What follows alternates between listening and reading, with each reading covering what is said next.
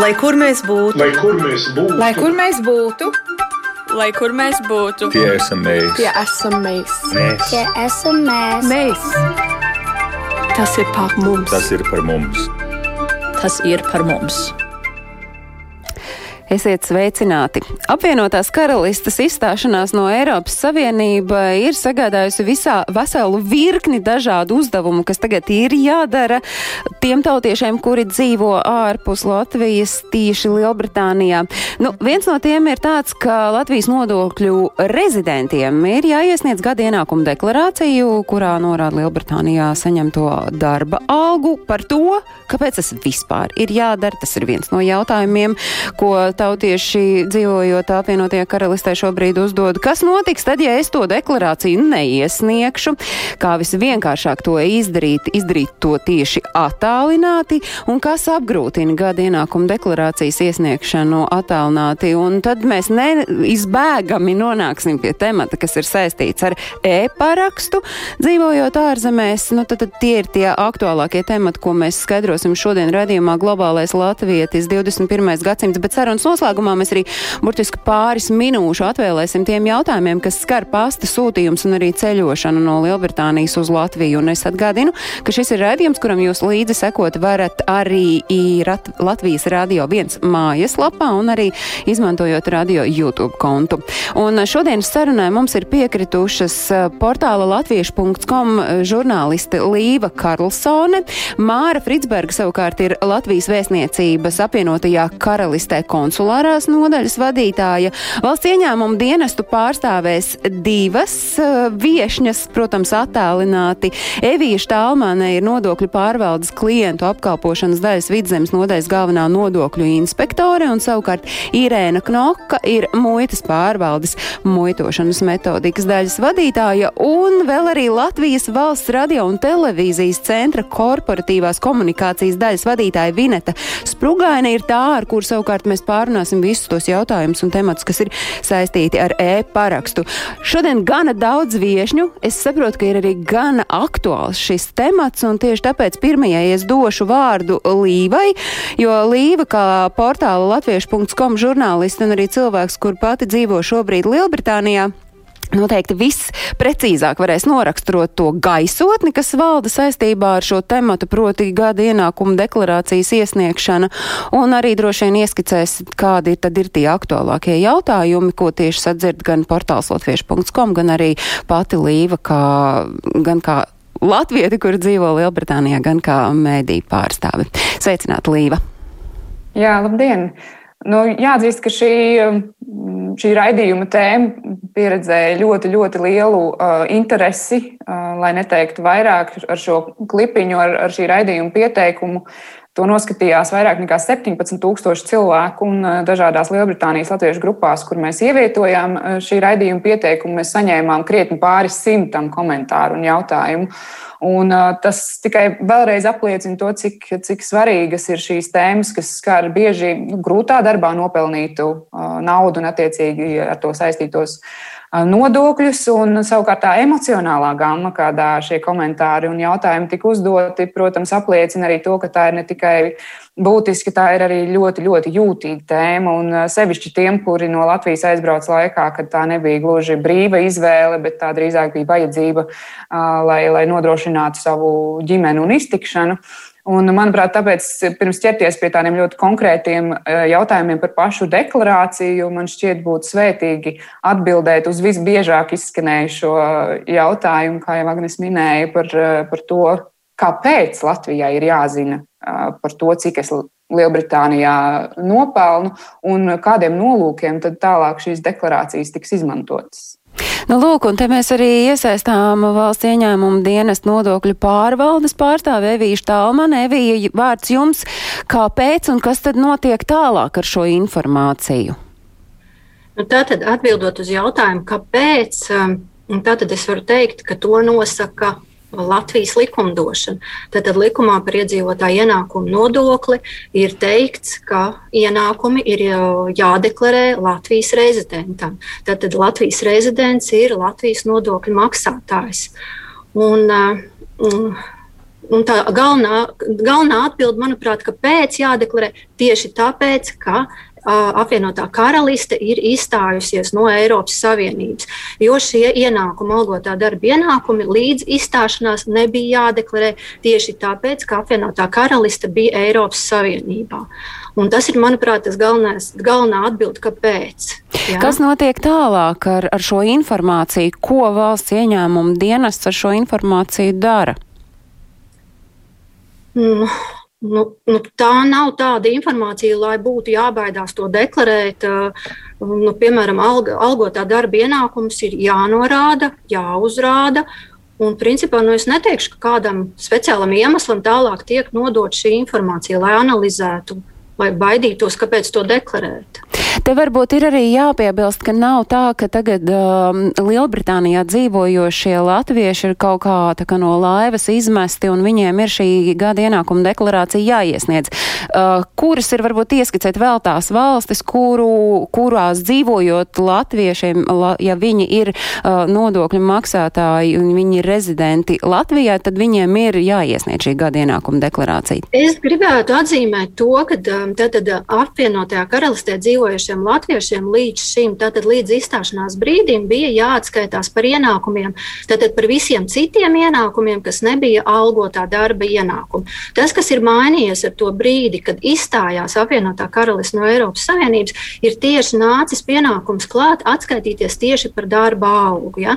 Bet, uh, lai nomierinātu tautiešus uh, Anglijā, tad es uzreiz varu teikt, ka apvien, tātad, algas ienākums uh, netiek aplikts otrais Latvijā. Ar nodokli, ja nodoklis ir samaksāts uh, Anglijā. Tātad, ja? Un tās pār, tātad attiecīgi arī uh, citās ārvalstīs, kas nav Eiropas Savienībā, algas ienākumi ir jāuzrāda deklarācijā, un tad arī tiem tautiešiem, kas ir citās valstīs un gūst ienākumus, kas nav algotā darba ienākumi, arī tie ienākumi ir jāuzrāda gada ienākuma deklarācijā.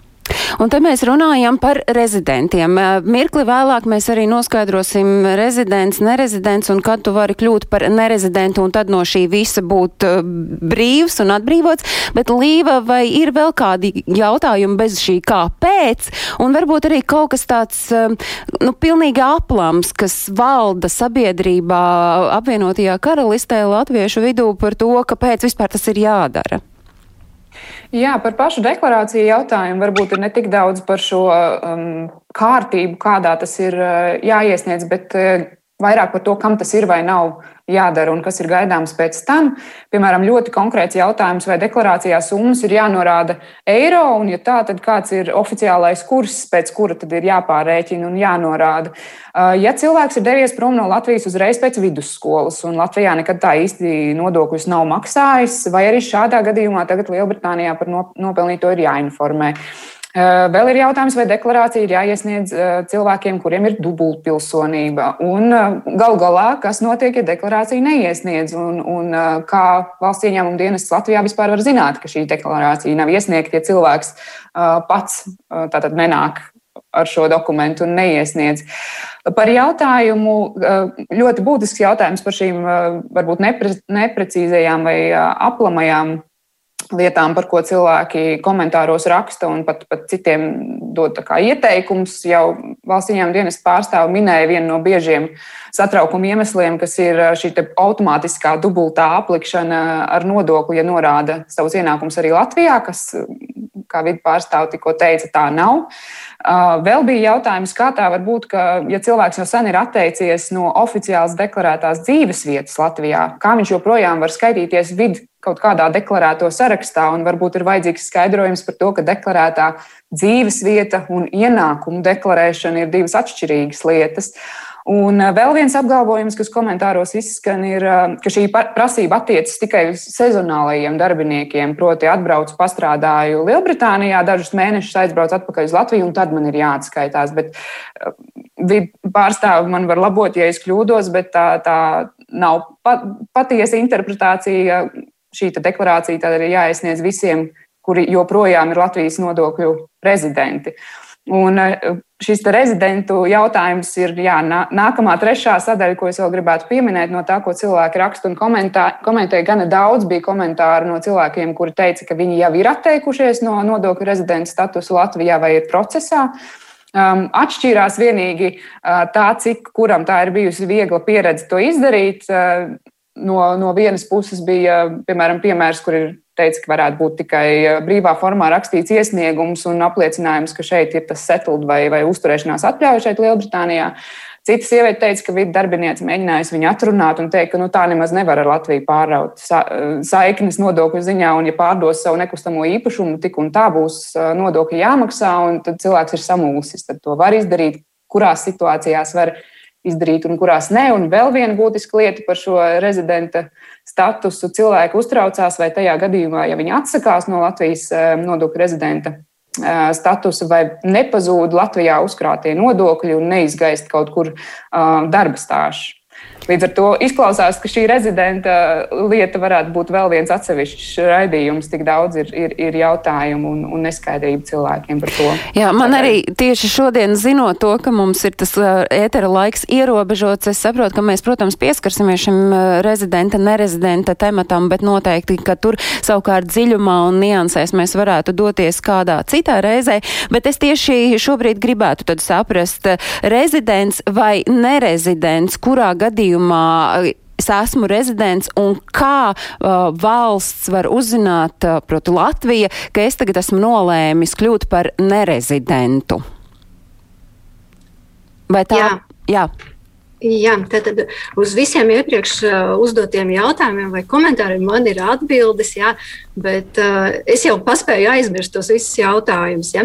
Bet uh, atbildot par jautājumu par šo rezidents statusu, tad valsts nevar zināt, uh, ka uh, konkrētais pilsonis ir pieņēmis lēmumu, ka viņš nevēlas kļūt vai palikt par Latvijas nerezidentu.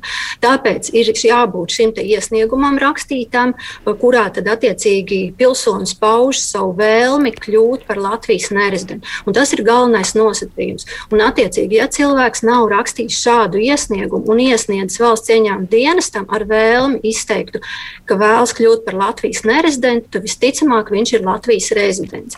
Un viss pienākumi deklarēt uh, ienākums tad, tad attiecās tikai uz Latvijas rezidentu. Uh, pienākums deklarēt ienākumus neatiecās uz uh, Latvijas nerezidentu. Un par nerezidentu, lai kļūtu, kādi ir tie priekšnoteikumi? Tātad, lai kļūtu par nerezidentu, valsts ieņēmuma dienestam ir jāiesniedz iesniegums. Un iesniegumā tātad brīvā formā ir jānorāda šī vēlme, ka vēlos pirmkārt kļūt par Latvijas nerezidentu, jāmin fakti, kāpēc es uzskatu sevi, piemēram, par Lielbritānijas nerezidentu. Un kuri, tad sakiet, tad ir tie fakti, kuri, uz kuriem man, balstoties var kļūt par nerezidentu? Tātad, piemēram, viens no faktiem, tad es ilgāk par 183 dienām uzturos ārpus Latvijas. Tātad deklarētā dzīvesvieta arī viens no galvenajiem nosacījumiem man ir deklarētā dzīvesvieta tātad apvienotajā karalistē, kas arī praksē, darba pieredzē ir redzēts un pieredzēts, ka šīs adreses nav mainītas. Ja? Tad, tad uh, ir arī iedzīvotāju reģistra likums, kas nosaka, ja atrodos ārpus Latvijas ilgāk par sešiem mēnešiem, man ir pienākums uh, paziņot par savu deklarēto dzīvesvietu ārpus Latvijas. Jā, nu un vēl es saprotu, visi... ka arī tas, ka tu tajā konkrētajā valstī šobrīd tā būs apvienotā karaliste, veic arī sociālās apdrošināšanas iemaksas, tas arī ir viens no argumentiem, Jā. kā es varu pateikt, ka tagad es vēlos kļūt par nerezidentu. Es gribu jautāt uh, Mārai Fritsbergai, Latvijas vēstniecības apvienotajā karalistē, konsulārās nodaļas vadītājai, vai jūs jūtat, ka šīs fakts, ka ir jāiesniedz ienākuma deklarācija, ir mudinājusi cilvēkus varbūt atteikties no rezidenta statusa? Viņi vienkārši negrib tur to ķēpu un klapat, un vispār kāda ir tā jūsu informācija par to, gan par fonu, gan par jautājumiem, kas ir saistīti ar gadu ienākuma deklarāciju, bet vispirms tad par to atteikšanos atteikšanos no rezidenta statusa? Jā, jāsaka, ka šis jautājums e, nav tiešais kom, e, vēstniecības kompetences jautājums, un, un līdz ar to mēs vienkārši, ko mēs varam darīt, mēs novirzām uh, mūsu tautiešus uz kompetento iestādi, kas ir valsts ieņēmuma dienests. Un ja mums ir jārunā par to, ka šis nerezidentu statusa gribētāju skaits palielinās, jums ir tāda informācija? Šādas informācijas, nu, jāsaka, arī mums nav, jo cilvēkiem nav pienākumu par to ziņot. Mūsu rīcībā varētu būt informācija tā, kas saistās ar deklarēto dzīves vietas adresi, bet par nerezidentiem tur patiešām ir jāvēršās valsts ieņēmuma dienestā cilvēkiem. Jūs minējāt, Evija, ka atteikšanās no Latvijas rezidenta statusa ir brīvā formā rakstām, tad tas nozīmē, ka tā ir vienkārši vai no e-pasta vēstule, vai, vai kā es apliecinu ka tā esmu es, kas tiešām šo Jā. atteikumu piesaka. Es mazliet gribu piemetināt, piebilst eh, par iesniegumam. Klāt ir jāpievieno arī dokuments, eh, kas apliecina, ka rezidents status ir iegūts eh, apvienotajā karalistē. Tātad šo dokumentu izsniedz apvienotajā karalistē nodokļu inspekcija. Ja? Un jūs arī pieminējāt par setled statusu vienā brīdī, es dzirdēju, tātad setled status nav galvenais kritērijs, kāpēc tiek piešķirts piešķirts nodokļu maksātājiem nerezidenta status. Jā, no pieredzes tā ir, ka nodokļu maksātājs atsūta šo svetlētas statusa kodu un uzraksta, uh, ieiet, pārliecinieties, pārbaudiet un uh, piešķiriet man nerezidents status, bet tā tas nav. Tad, tad vēlreiz atkārtoju, ir jābūt iesniegumam, iesniegumā minam faktus, kāpēc gribam kļūt par Latvijas nerezidentu, plus klāt pieliekam arī rezidenta izsniegto apliecību apliecinājums. Tas varētu būt apliecinājums vai dokuments, kas apliecina, ka rezidents status ir iegūts konkrētā valstī. Nu, prot, šajā gadījumā tā būs apvienotā karalista, bet uh, tagad mēs uh, saprotam, tad, ja es negribu visu to klapatu ar valsts ieņēmumu dienesta gada deklarācijas, vienkārši, ja man ir tāda iespēja, kļūstu par nerezidentu. Viss Jā. tālāk mēs varbūt par tiem nerezidentiem šobrīd paliekam. Varbūt, Jā. varbūt man uh, bija jāatbild uz jautājumu, kā iesniegt. Jā. Tātad um, iesniegt varam elektroniskā veidā un sūtot pa pastu. Elektroniski mēs varam iesniegt elektroniskās deklarēšanas sistēmā. Tad, tad lai ieietu elektroniskās deklarēšanas sistēmā, mēs saprotam, mēs vēl runāsim par tām pieejām, kā mēs to varam izdarīt. Ja? Bet tā tad elektroniski vai pa pastu. Nu, un te mēs arī automātiski uzreiz nonākam pie tā, ka nu, tā gada ienākuma deklarācija ir jāiesniedz, tad tieši kā tā ir jāiesniedz, kāds ir tas veids, atceroties, ka, tā, ka tas cilvēks dzīvo Lielbritānijā. Tad arī gada deklarācijas mums ir iesniegšanas veids elektroniski vai pa pastu. Elektroniski tātad mēs varam uh, iesniegt, ieejot elektroniskās deklarēšanas sistēmā. Eh, tātad tā ir valsts ieņēmuma dienesta nodokļu maksātāja sistēma, kurā mēs atrodam, kur atrodas gada deklarācija un aizpildam. Veidlapas formas jau ir pieejamas, tikai ir jāzina, kas ir jāaizpilda. Un tātad kā palīgi rīks arī nodara ministrs kabineta noteikumu par deklarācijas aizpildīšanu. Un šajos noteikumos ir arī ļoti labi izskaidrots, kurās sadaļās, kuros pielikumos, kurās ailītēs, kas ir jāraksta. Ja? Un, savukārt, ja mēs to nevaram izdarīt elektroniski, šīs pašas veidlapiņas mēs varam izprintēt uh, valsts ieņēmuma dienestu mājaslapā, sadaļā pie gada ienākuma deklarācijas un veidlapas. Uh, izprintējam veidlapas, aizpildam un sūtam pa pastu. Lai varētu deklara, ieiet šajā EDS lapā, elektroniskajā deklarēšanas sistēmā, tur ir nepieciešams nu, vai nu elektroniskais paraksts, vai nu tā ir jābūt internetbankai šeit Latvijā. Jā, šo sistēmu tad mēs varam lietot. Um, bez jūsu nosauktiem minētajiem ir arī tāds kā vidi piešķirtā elektroniskās deklarēšanas sistēmas parole. Tāda varētu būt piešķirta tiem tautiešiem, kas to paspēja nokārtot uh, pirms viņi, piemēram, aizbrauc uz šo apvienoto karalisti. Ja? Tad, tad uh, Ja atcerās, vai ir kaut kur pierakstīts, tad var izmantot šo EDS, elektroniskās deklarēšanas sistēmas piešķirto paroli. Tad viens no veidiem ir, un manuprāt, vis, viens no ērtākajiem ir izmantot uh, internetbankas piekļuves kodus, ja ir saglabājusies šis konts Latvijā. Un tad ir jūs pieminētie arī uh, ID elektronisko parakstu iespējas. Jā. Bet uh, es jautāšu droši vien, ka Latvijas vēstniecības pārstāvēja Mārai Fritsbergai, jūsuprāt, uh, šī elektroniskā pāraksta EID un arī bankas konta esība Latvijā varētu būt vislielākais apgrūtinājums šobrīd, vai ne? Jā, nu bieži vien. Uh, mūsu tautiešiem eh, vairs nav bankas konta Latvijā. Līdz ar to viņiem ir tāda iespēja, kā pieteikties EID kartei uh, Latvijas vēstniecībā. Protams, kā jau tika minēts, pandēmija ir ietekmējusi mūs visus. Un, Vēstniecība bija spiesta ilgu laiku sniegt pakalpojumus ierobežotā apjomā, bet neskatoties uz visu, mēs esam darījuši nu, maksimālo, lai varētu mūsu tautieši saņemt EID kartes, tā skaitā aktivizēt arī e-parakstu. Un jau kopš pagājušā gada 1. jūnija esam nodrošinājuši nepārtrauktu klātienes pieņemšanu tieši personu apliecinošu dokumentu saņemšanai. Mēs pat esam darījuši, nu, mēģinājuši vēl visādus veidus atrast, kā vēl palīdzēt mūsu tautiešiem. Šobrīd jau otro reizi esam atvēruši apmeklētāju pieņemšanu sestdienās.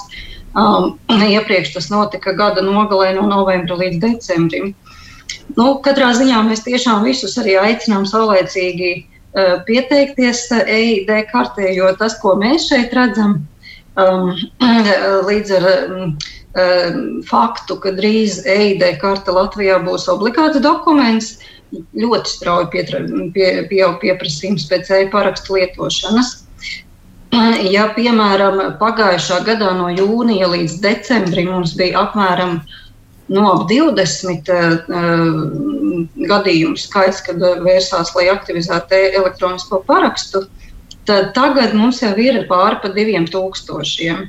Nu, tas nozīmē, ka tā dzīvošana arī attālināti, jo īpaši šobrīd šajos apstākļos bez šī elektroniskā paraksta patiesībā ir apgrūtināta, tostarp arī kaut vai, lai pieteiktos pašvaldību vēlēšanām, kas būs 5. jūnijā. Tas arī ir teju neiespējami, ja nav šī e, elektroniskā paraksta. Es gribu tomēr mēģināt vēl atbildēt uz tiem jautājumiem, kurus ieskicēja Līva un kas ir saistīti tieši šobrīd ar elektroniskās deklarēšanas, e, e, ar, dek, ar deklarācijas iesniegšanu, vai deklarācijā šīs summas ir jānorāda eiro? Tas bija viens aktuāls jautājums, un uh, kā tur pielāgot pēc kāda kursa? Tas būs jā, Ebijai, jā. jā. Deklarācijā tātad ienākumi ir jānorāda gan mārciņās, gan eiro. Un, uh, Konvertēšana notiek pēc Latvijas bankas kursa. Attiecīgi, deklarācijā var norādīt ienākumus kopējos pa gadu, tad, tad konvertējam uz gada pēdējo datumu, 31. decembri. Ja ienākums norādām pa mēnešiem, tad attiecīgi uz mēneša beigām. Jā, bet pēc Latvijas bankas kursa, ieejot Latvijas bankas mājaslapā, ir kalkulators, kur var nomainīt datumu, uz kuru dienu vai uz kuru konkrētu datumu mēs mainām. Mhm. Ja ir Latvijā cilvēks nav pirms tam strādājis un šobrīd dzīvo Lielbritānijā un strādā, kā viņam rīkoties? Eh, tieši tāpatās, ja nodokļu maksātājs eh, Latvijas pilsonis ir uh, rezidents, viņam ir tieši tāpatās jāiesniedz gada deklarācija un jādeklarē ienākumi. Un šī gadījumā tas, ka nav strādājis iepriekš Latvijā, nav rādītājs vai kritērijs. Sezonālie darbinieki, tas, ko Līva ieskicēja, ka tas ir tāds viens aplams priekšstats. Kad jādeklarē vai nu, nav? Tikai viņiem eh, ir, ir nē, jā, nē. Jā, jā, jāizpilda šī gada ienākuma deklarācija. Tad pienākums ir visiem uh, Latvija, latviešiem dzīvojošiem apvienotajā karalistē, un kuri vēl joprojām ir Latvijas rezidenti. Tātad rezidenti ir Latvijas nodokļu maksātāji. Vai ir jāuzskaita apgādājamie deklarējoties, un kā zināt tos atvieglojumus, kas pienāks, ja Latvijā jau desmit gadus neusturās? Konkrēts jautājums no klausītājas. Dekla, jā, es šo komentāru redzēju, bet tas jautājums bija uzdots kontekstā ar darba algu. Tātad, Darba alga ir ar nodokli neapliekams ienākums, attiecīgi neapliekamais minimums un atvieglojumi par apgādājumiem nebūs nepieciešams viņus piemērot. Ja? Jo darba algas ienākums būs ar nodokli neapliekams ienākums. Par dubultu pilsonību vēl ir jautājums, vai arī dubultu pilsoņiem vienalga ir jāaizpild šī gada ienākuma deklarācija? Arī, ja pie nosacījuma ir vienlaicīgs status Latvijas rezidents. Jā. Ko darīt, ja dzīvo? Jo pilsonība, es atvainojos, jo pilsonība nav kritērijs, kas uzreiz maina statusu nerezidents vai rezidents. Ja? Ko darīt, ja dzīvo Lielbritānijā, bet tur nestrādā? Un kuri tad ir tad varbūt vēl bez rezidentiem tie, kuriem nav šī gada ienākuma deklarācija jāizpild, vai tāda ir? Tātad tie, kas negūst ienākumus, to deklarācija nav jāiesniedz. Jā. Kādi jums šobrīd ir tie signāli pienākuši, kas ir vēl tas, kas varbūt apgrūtina šo gadu ienākumu deklarācijas iesniegšanu attālināti valsts ieņēmuma dienestā? Kāda ir tā informācija, kas ir nonākusi līdz jums? Tā pretestība tieši kāpēc man tas ir jādara. Tā ir galvenā pretestība. Baidoties no tā, ka man uzrēķinās, man būs, ja papildus jāmaksā, es palikšu parādā. Tā ir galvenā problēma. Ja, bet, ja iedziļinās šajā lietā un saprotot, ka no papildus nodokļa nav jāmaksā no darba algas ienākumiem, Mēs deklarētu aktīvāk. Jā. Vai jūs varat atgādināt tiem, kuri klausās šodien raidījumu, un viņiem ir vēl kādi jautājumi, arī varbūt pat tīri tehniski jautājumi, kā rīkoties, ko kurā ailītē rakstīt, ko jūs sakāt, kā sazināties, lai, lai to, to darbiņu varētu paveikt? Tātad, ja kaut kas nav skaidrs par deklarācijas aizpildīšanu ailēm, vai ir jāmaksā vai nav jāmaksā, ir jādeklarē vai nav jādeklarē, ir speciāls telefona numurs diasporas klientiem, un es varbūt nosaukšu šo numuru plus 371 tas ir Latvijas tas kods, ja, un 6712, 443. Un par šo telefonu numuru var zvanīt un uzdot jautājumus. Uh, attiecīgi, var arī rakstīt. Uh, Elektroniskā veidā ir saraksti ar vīdi, kur var noformēt savu jautājumu. Ja? Un ir arī konsultatīvais tālrunis, ko es atļaušos nosaukt, ir 6712, 0000. Par šiem diviem tālruņiem var zvanīt un uzdot savus interesējošos jautājumus. Un tātad galvenais, kas deklarācijā ir jāaizpilda, tas ir D2 pielikums. Un šī gadījumā deklarācija varētu sastāvēt pat no diviem pielikumiem - D un D2. Tātad tie ir ienākumi, kas ir jādeklarē ārvalstīs dzīvojošam, strādājošam Latvijas rezidentam. Tas laiks, laika limits, un vai jūs šobrīd eh, varat teikt, ka tas notiek gan aktīvi, šī, piete, šī gada ienākuma deklarācija iesniegšana, vai jūs cerējāt, ka tas būs aktīvāks process? Gada deklarācijas iesniegšana pašlaik nav aktīva. Es saprotu, ka tas ir izskaidrojams arī ar to, ka mums atšķirās šie taksācijas gadi, un apvienotajā karalistē šis taksācijas gads ir beidzies tagad tikai aprīlī. Ja? Un, attiecīgi, iesniedzējiem vēl ir jāiegūst šis dokuments, kas ir jāpieliek gada deklarācijai klāt, kas apliecina, e, ka ienākums tātad ir darba alga, samaksātais nodoklis un algas apmērs. Un tad šī dokumenta. Nu, Tad, tiklīdz nodokļu maksātājs iegūs šo dokumentu, tā arī iespējams, varbūt, tā deklarācijas uh, iesniegšana paliks raitāka. Ja? Un Bet tad šogad apliecināt... tas, ir līdz, šogad tas ir līdz 1. jūlijam, citus gadus? Tas būs līdz 1. jūnijam citus gadus. Ja? Bet ņemot vērā šā brīža situāciju, Covid-19 situāciju, šogad par vienu mēnesi ir pagarināts šis te termiņš, un iesniegšana ir līdz 1. jūlijam. Kas notiek, ja neiesniedz deklarāciju? Jo izskan nu, vēl tāds temats, ko komentāros, ka kā, kā tad jūs mani te apmēram noķersit un uzzināsiet, ka es esmu Lielbritānijā strādāju un nemaz negrasos šo deklarāciju iesniegt? Nu, negribās jau šī brīdī biedēt ar sodiem un, un, un represijām. Ceram, ka mēs līdz tam nenonāksim. Bet jāatcerās, ka ir tāds administratīvās atbildības likums, kas paredz sodus neiesniegšanas gadījumā, termiņu neievērošanas gadījumā. Ja? Nu, nu, tāds likums ir. Es, es par to informēju, ja? bet nu, ceram, ka nenonāksim līdz sodīšanai. Tas nav katrā ziņā valsts ieņēmuma dienas mērķis, nav kādu sodīt, bet uh, informēt, konsultēt un aicināt. Bet tad drīkst vienu jautājumu jā, lūdzu. no, no, no Londonas uh, puses, no Lielbritānijas puses. Ja cilvēks ir uh, apzinīgi centies iesniegt un, un aizpildījis tā, kā viņš to saprot, bet nav izdarījis to līdz galam korekti. Un, uh, tas tiek otrā galā konstatēts, kas, kas tālāk notiek. Vai ar viņu sazinās, vai, vai palīdz pārstruktūrēt to, to visu Jā. pasākumu un, un dokumentu izlabot. Ja deklarācija ir saņemta ieņēmuma dienestā un ir konstatēts kaut kādas nepilnības, jā, protams, mēs sazināsimies, mēs eh, vērsīsim uz kļūdām, aicināsim labot un precizēt. Bet ir tāda stadija, kad aizpildot gada deklarāciju, šī deklarācija neskaitās iesniegt valsts ieņēmuma dienestā. Un to var nokontrolēt, ja eh, nodokļu maksātājs šo deklarāciju sniedz elektroniskā veidā. Pie deklarācijas iesniegtā dokumenta tiek uzrādīts deklarācijas status. Un, ja status status ir zaļā krāsā norādīts pieņemts, tad var uzskatīt, ka deklarācija nonākusi ieņēmuma dienas rīcībā.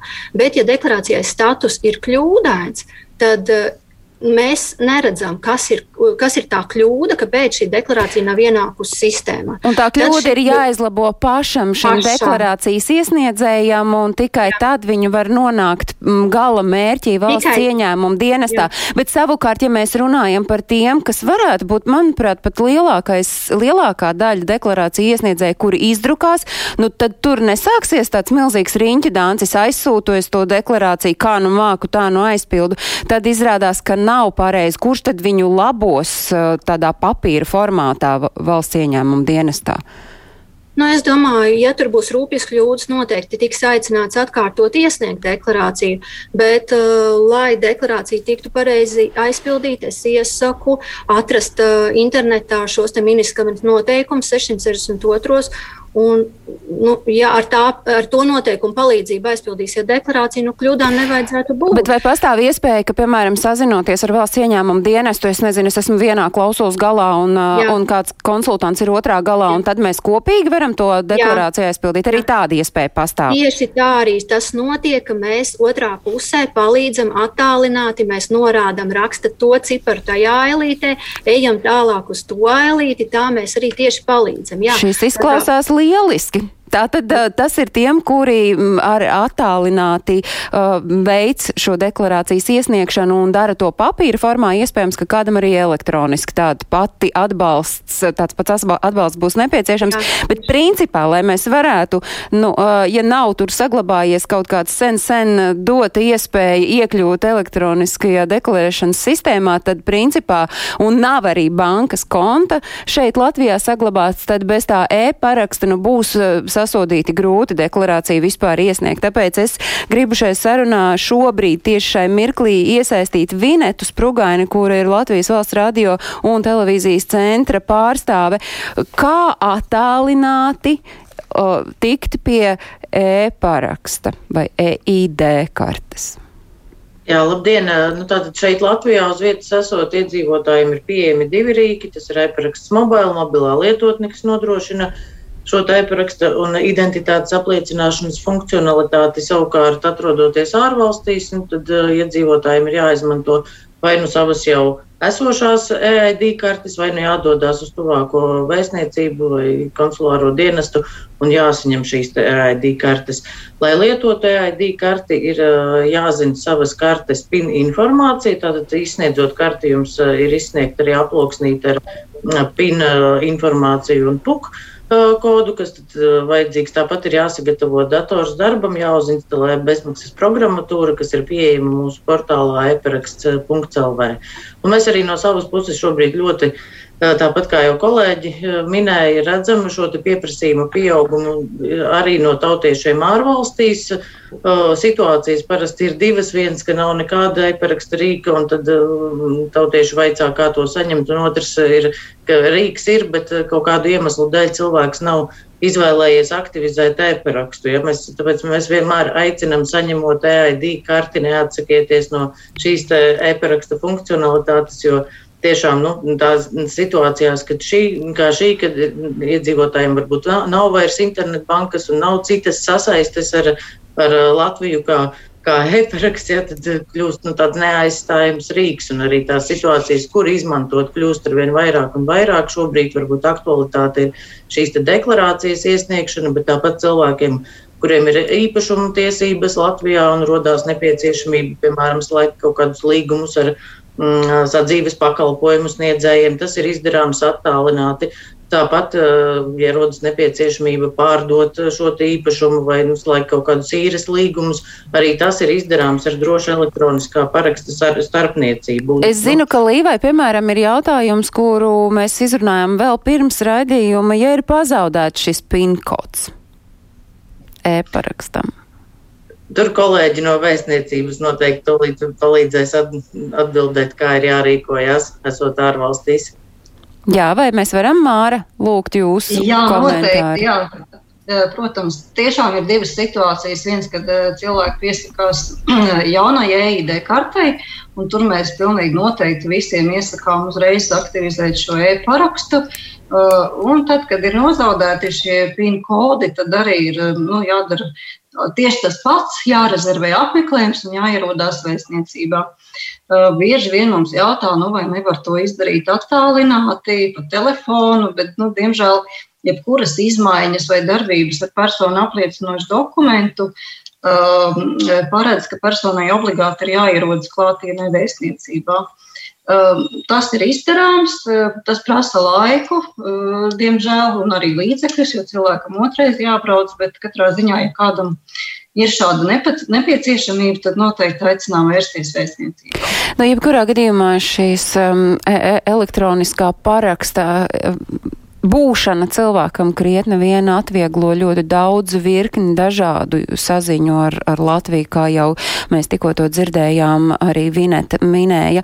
Bet uh, ir atlikušas burtiski 4-5 minūtes mūsu raidījumā, un es varbūt vēl Evijai jautāšu, vai ir kaut kas tāds, ko par valsts ieņēmumu dienesta mudinājumu nodokļu rezidentiem iesniegt valsts ieņ...